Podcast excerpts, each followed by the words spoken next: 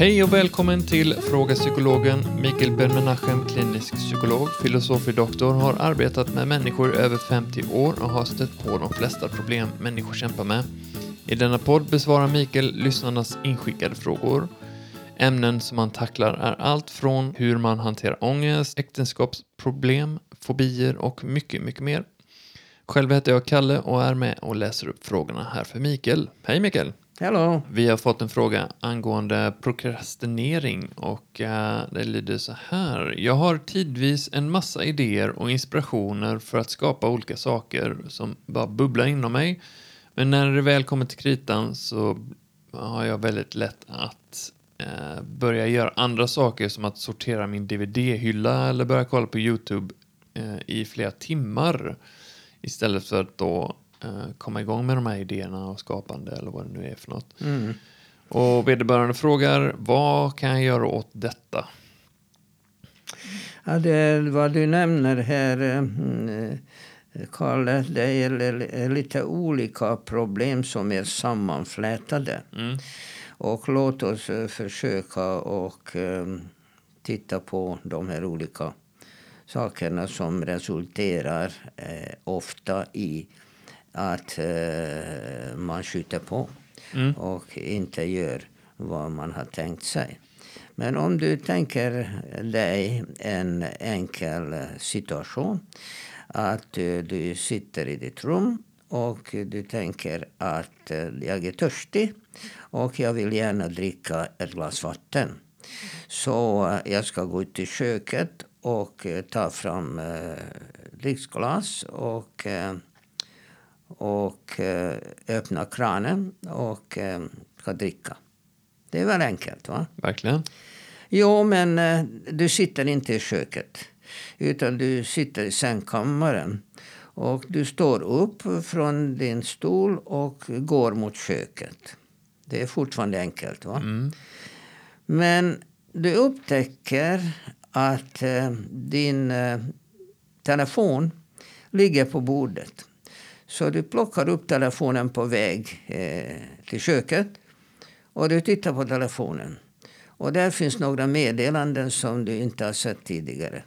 Och samtidigt så upptäcker du att eh, en dålig laddning på telefonen. Så tänker du jag måste ladda telefonen så du letar efter en eh, kontakt, en väggkontakt. Och när du skulle eh, trycka in den här eh, laddaren eh, i telefonen till den här väggkontakten så upptäcker du att en väggkontakt till som inte är igång och därför så, så, så är två golvlampor som inte fungerar. Och du kopplar in det och du ser att den ena fungerar inte för att eh, glödlampan är förmodligen dålig. Så du skruvar ut det här och går till, eh, går till eh, maskinrummet och hämtar en glödlampa. Och medan du hämtar en glödlampa så ser du att en hammare ligger där. Och du tänkte just det, jag ville ju sätta upp en tavla så du tar, jag kan hålla på hur länge som helst. Absolut. Ja. Eh, och många upplever det här som ett problem. Men det är egentligen inte är det. För att om du laddar din telefon, om du svarar på meddelanden, om du hänger på tavlan och byter glödlampa. Eh, I vilken ordning du gör det, det spelar inte så stor roll. Men att, att du tänkte göra att, att dricka först och sen göra de här sakerna. Men Du kommer fram till va, vattenglaset så, små, så småningom så du kanske blir bara törstigare. Men eh, du gör det. Problemet är det om du låter den här eh, proceduren ta dig. Och du kommer aldrig fram till köket och dricka lite vatten. Då, då är det ett problem. Och så, så är det med allt annat också. Eh, vilken ordning du gör de här sakerna som du uppmärksammar att du skulle göra. Eh, det är okej. Men om du bara eh, knuffar ifrån dig de här eh, olika sakerna. Det, det orkar jag inte med just nu. Jag gör det sedan. Då har vi ett problem återigen. Så att det, det lite beror på vad vi egentligen pratar om det, där, där är problemet. För att det finns människor som eh, är så vana vid att eh, skjuta på saker för att eh, det är för jobbigt eller det skulle behövas något annat för att kunna göra det. Och man hittar hur lätt som helst vilka orsaker som helst. Jag har en kompis som skjuter upp det här med att betala sina räkningar så ofta så att han hamnar på Kronofogden Eh, det, det, är liksom sådär, det finns ju olika sätt att, sådär, olika saker man skjuter upp. Men, du, du, är väldigt duktig på att, att plocka fram mycket komplicerade frågor, Kalle. Ja. För att eh, det kan också ha en, en hel massa olika orsaker. Eh, det värsta är en, ett sociopatiskt beteende, faktiskt. Att vara sociopat ja. eller psykopat det är ett psykiskt tillstånd när man inte bryr sig om vad andra tycker eller gör eh, av någon anledning. Och det är ett, ett väldigt svårt psykologiskt problem. Det är inte så lätt för en terapeut att tackla en sociopat som inte bryr sig om sina medmänniskor. Mm. Och inte få dåligt samvete heller. Eh, och det kan vara sådana saker att inte betala räkningar eller, eh, eller, eller felparkering. Eller så. Det finns sådana som gör en sport av det här. Att, eh, att samla på sig tusentals parkeringsböter och, och sådär. Det kan du läsa i tidningen. Och eh, det är alltså osolidariskt med samhället. Det här samhället som vi lever i eh, inte bara tar utan det ger också intressant. Det ger oss en hel del. Det ger oss eh, skolan. I många länder, när vi är i USA, så folk bara eh, beundrar oss. Att vi kan gå här till eh, eh ända fram till att bli professor utan att det kostar oss ett rött öre. Att gå i grundskolan, gå i gymnasiet, gå på universitetet. Jag menar, det finns människor, eh, familjer som i många år sparar eh, varje månad från sin lön bara för att barnen ska kunna gå i skolan. I USA till exempel. Och, mindre skatt och, och, också. Och, och, vi har det, och vi har det helt eh, gratis, tänker vi. Men naturligtvis så är det inte gratis. Vi betalar för det genom våra skatter. Men om vi inte gör det, om vi tycker att, eh, som många gånger i de här kommunistländerna, de tyckte att det är staten och det är jag. Det är först här i Sverige förstod jag att staten är jag. Man hade en helt annan eh, uppfattning eh, när jag växte upp i Ungern. Staten var no något annat. Det var inte jag. Det var staten och jag. Eh, vi förstod inte att, att våra skatter som finansierar våra gator, som finansierar gatubelysningen, som, som finansierar vår sjukvård. I Amerika har de väldigt svårt att eh, tro när jag säger att jag låg på sjukhuset och de gjorde en liten operation. Och det kostade ingenting. Det vill säga, visst kostade det. Men jag har betalt för det via mina skatter. Och att man får pension. Jag har hört det här många gånger i USA. Att någon blev avskedad av sitt jobb efter 40 år. Och jag frågade vederbörande. Men du har väl pension? Nej, sa han. Nej. Ja, men vad ska du leva på? Jag får hitta ett annat jobb. Men nu är jag 67 år gammal. Och det är inte så lätt för en 67-åring att få ett jobb. Så jag menar, det finns ju mängder med saker. Är man inte solidarisk med staten, till och med tycker ha ha ha vad roligt att jag har lurat eh, staten. Det är inte roligt. Det är osolidariskt. Eh, det är otrevligt. Och eh, väldigt många människor, tyvärr, eh, har utnyttjat vårt system för att liksom klaga över allt möjligt, ont i ryggen någonting eh, för 40 år sedan och, och fick pension för 40 år sedan. Det är en helt annan sak att det här har ju inte varit bra för deras psykiska tillstånd att inte ha något vettigt att göra i 40 år. Det är något helt annat. Men att man är osolidarisk. Så den ena biten av det här, din fråga, Kalle, det är att, att vara sociopat eller psykopat. Det är verkligen inte bra. Däremot eh, så finns ju mildare omständigheter också när vederbörande inte har sådana. Eh, jag vill inte ens säga tankar, för att de tänker inte på det. De tänker inte på sina medmänniskor. De bara gör så. De bara gör så. Tänker inte ett dugg på att jag kanske verkligen har felparkerat. Jag, jag kanske borde betala det. Jag tänker inte ett dugg. Utan de bara struntar i det fullständigt. Och eh, det finns ju mildare varianter på det här. Människor som inte kan liksom eh, planera. Eh, och eh, det kommer som allt annat hemifrån naturligtvis. För eh, jag hade en god vän som hade en enorm oordning hemma. Och han var en snäll och trevlig människa. Och vi kompisar vi accepterade att i deras hus så var det inte lätt att hitta någonting för att allting låg kuller om buller. Och sen hände det att de flyttade till en ny lägenhet. Och när jag besökte dem första gången, ja den här nya lägenheten såg likadan som den gamla. Och då sa jag till min kompis, hur har du lyckats få över allting som det var? Mm. Eh, och det finns människor som, du vet man brukar ju säga i Sverige att om man har ju dammråttor hemma, vad betyder det? Att det betyder att vederbörande kanske har viktigare saker att göra än att städa. Ja. Det brukar man göra, det, det låter lite skojigt sådär. Men det är inte så skojigt egentligen. För att det betyder att eh, inte säkert att det är en medveten prioritering. Om det vore så, kanske. Eh, utan ofta är det det att, eh, att det är lite jobbigt. Lite jobbigt att göra någonting som man borde göra och så tänker att jag skjuter på det. Och det här är eh, en del av vår personlighet. Och det kommer inte från tomma intet. Utan som vanligt kommer det från barndomen och det kan vara antingen eller.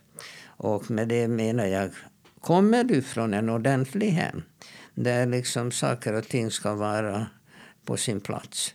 Ja, det ska vara städat och eh, ordning och reda som man säger. Så har du två möjligheter. Antingen som vuxen bli likadan och eh, problemet kan dyka upp eh, när du träffar någon kanske som du tycker är, hon är eh, tjusig och underbar. Det vore kanske jätteskojigt att, att kunna knyta ditt liv, liv ihop med henne. Men så visar det sig efter en kort tid att, att hon har helt annan uppfattning eller andra vanor eh, när det gäller eh, reda på saker och slänger ut och, och sådär. Och naturligtvis barn i viss ålder så, så, så, gör så. Jag, en av våra döttrar brukade göra så att så snart hon kom genom entrédörren så brukade, brukade hon klä av sig. Och eh, man kunde ju följa henne efter här ligger jackan, eh, här ligger skorna och, och så vidare. Eh, och man kunde ju bråka med henne hur länge som helst så fortsatte hon med det ändå. Eh, och så jag bestämde mig för att eh, ändra på det här. Och jag sa till henne, ser du den här lådan? Ja. Okej, okay, så du kan kasta dina saker och jag kommer att plocka upp dem och, och sätta i den här lådan. Så letar du efter någonting, gå till lådan. Det, det, det, är kanske inte den bästa lösningen, men det var jag kom på. Ja, jag vill inte bråka med min dotter. Och, eh, barn i en viss ålder, tonåringar, ofta är sådana och det, det kan man eh, förlåta. Jag tänkte på när jag gick i gymnasiet då var jag liksom mästerprokrastineraren. Eh, alla prov och alla inlämningsuppgifter och sånt gjorde jag mer eller mindre i sista sekund, lite halvdant. Men i vuxen ålder, för några år sedan, så läste jag till undersköterska medan jag samtidigt jobbade då.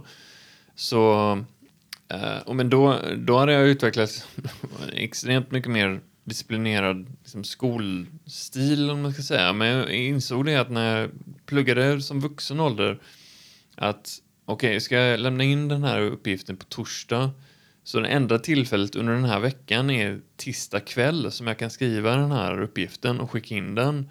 Om inte jag gör det så är det kört. Eh, så till slut blev det liksom den begränsningen blev en styrka för mig plötsligt. Mm. Och jag lämnar in grejerna i tid och så vidare som jag aldrig gjort innan. Mm. Eh, men när jag gick i gymnasiet så, så var det mycket mer kravlöst nästan. Sådär. Jag, hade liksom, sådär. Mm. Ja, men jag hade inga räkningar att betala och inget jobb att gå till och bla bla bla, mm. barn att ta hand om. Ja, det kan man också titta på från olika eh, håll. För det första så det är lite elegant eh, så att säga att, eh, att inte vara ordningsam. Det är lite så här bohemiskt, lite konstnärligt på något sätt. Mm. Och eh, studenter ofta gör så, som mm. du säger. Jag anser personligen att det är en utomordentligt dålig vana. Och också av inlärningssynpunkt. För att om du inte har studerat under eh, inlärningsperioden utan skjuter på det och skjuter på det och sen de sista två dagarna sträckläser du och kanske även klarar provet. Men eh, kunskap som du har inhämtat på det sättet försvinner också väldigt snabbt. Och, eh, så att det är ingen bra inlärning egentligen att göra så. Det är mycket mer bestående att eh, läsa lite grann varje dag under den här inlärningsperioden. Det är det som eh, krävs för det, det är disciplin. Och eh, väldigt många har problem med disciplin.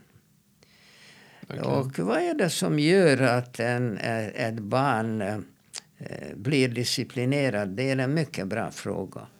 Naturligtvis så kommer det från föräldrarna. Du, du kan inte gå förbi föräldrarna. Eh, för att, Nej, som vi har sagt många gånger tidigare i andra podcast att eh, barnet observerar sina föräldrar så noga under en lång tid.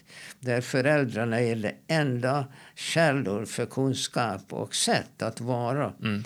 Att den sitter livet igenom.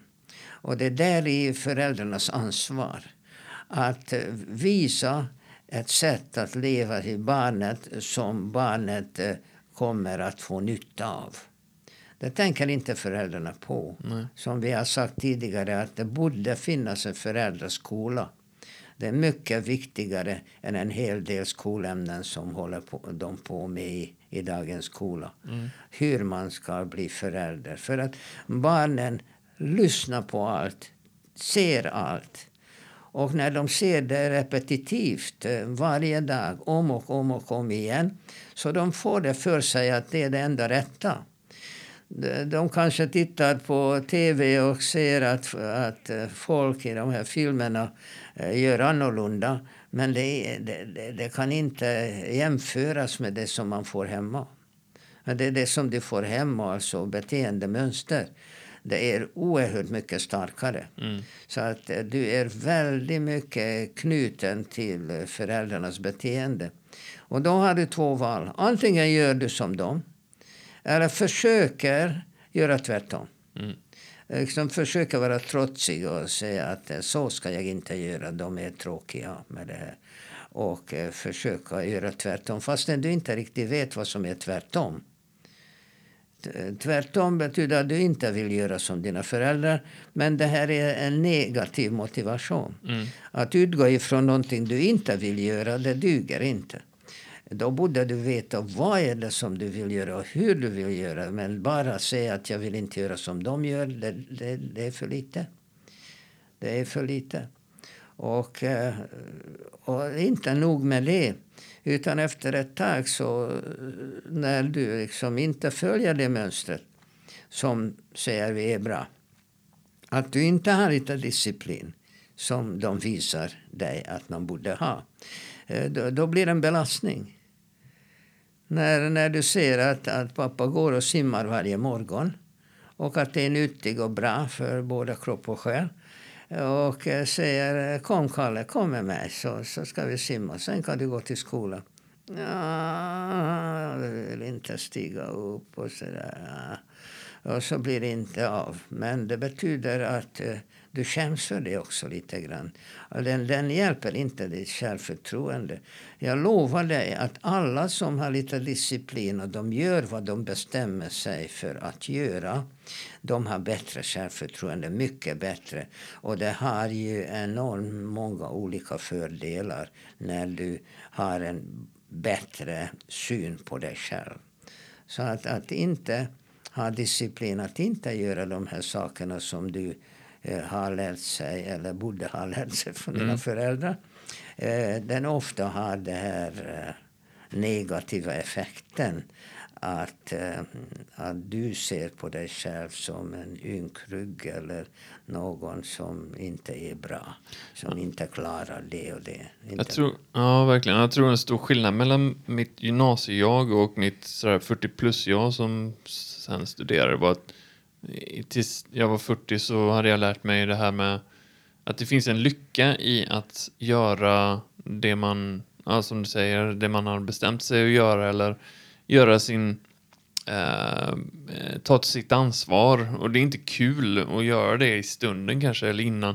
Men efteråt är man kan det skapa en lycka liksom. Medan man i, när man prokrastinerar så, så undviker man kanske den typen av ansträngning som sen kan leda till eh, en belöning till att man, man skippar det genom att ta någonting som ger en lite så här eh, glädje just nu eller ja, ä, gå och äta någonting eller gå Ja. och kolla på en film eller du förstår vad jag menar där? Ja, ja, omedelbar eh, Ja, gratifikationsgrejen. Ja, att, njutning av någonting. Men eh, glöm inte att eh, tonåringshjärna är inte jämförbar med en 40-årings hjärna. nej, verkligen. Hjärnan utvecklas hela tiden eh, och eh, många gånger en tonåringshjärna är inte riktigt redo för att, eh, att vara så ordningsam eller eh, disciplinerad. Det, eh, hjärnan klarar inte av det Nej. helt enkelt.